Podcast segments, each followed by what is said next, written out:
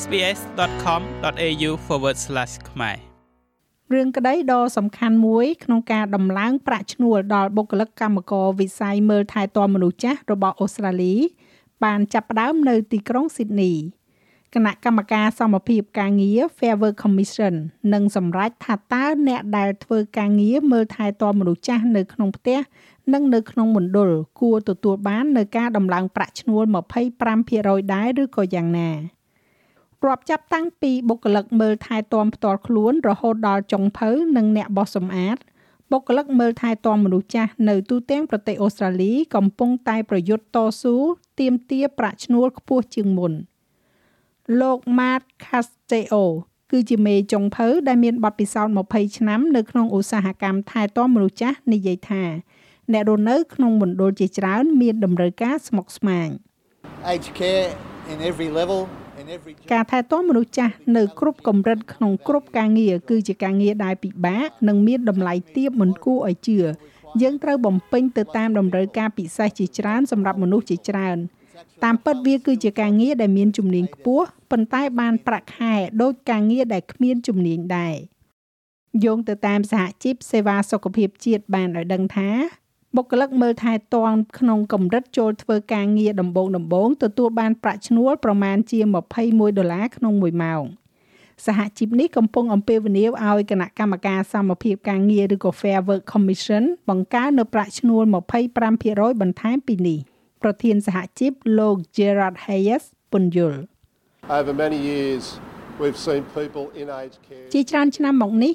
យើងបានឃើញមនុស្សនៅក្នុង Age Care មិនទទួលបាននៅសេចក្តីថ្លៃថ្នូរដែលពួកគេសមនឹងទទួលបាននោះទេ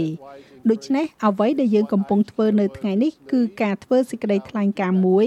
ការដំឡើងប្រាក់ឈ្នួល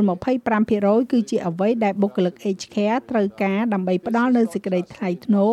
ការគោរពនិងការយកចិត្តទុកដាក់ដល់មនុស្សដែលដាក់យើងនៅក្នុងតំណែងដែលយើងមានសពថ្ងៃនេះនេះមិនមែនគ្រាន់តែជាបញ្ហាឧស្សាហកម្មនិងផ្លូវច្បាប់ទេ នេះគឺជាបញ្ហាសិលធម៌និងសង្គមគេរំពឹងថាសាក់សីរាប់សិបនាក់នឹងផ្ដល់ផុសតាងនៅក្នុងសាវនាការរួមទាំងសហជីពបុគ្គលិកនិងអ្នកផ្ដល់សេវាកម្មថែទាំមនុស្សចាស់ផងដែរមេធាវីនៃ Morris Blackburn អ្នកនាង Alex Grayson កំពុងតែតំណាងឲ្យសហជីពសេវាសុខភាពនេះ So since November 2020 ដូច្នេះចាប់តាំងពីខែវិច្ឆិកាឆ្នាំ2020មកសេចក្តីថ្លែងការណ៍ជាង100ត្រូវបានដាក់ក្នុងបញ្ហានេះហើយយើងមានតួលេខ1តួលេខដ៏សំខាន់មួយនៃការដាក់ស្នើពីនយោជកក្នុងការគ្រប់គ្រងកម្មវិធីរបស់ HSU ហើយនោះពិតជាមានសារៈសំខាន់ខ្លាំងណាស់ Fair Work Commission ត្រូវបានគេប្រាប់ថាមានតិចតួចណាស់ដែលបានធ្វើដើម្បីអនុវត្តអនុសាសន៍ចំនួន148 ពីរាជគណៈកម្មការវិស័យមើលថែទាំមនុស្សចាស់កាលពីពេលថ្មីថ្មីនេះនៅក្នុងការដាក់ស្នើរបស់ខ្លួន សហព័ន្ធគិលានុបដ្ឋាយិកានិងឆ្មបអូស្ត្រាលី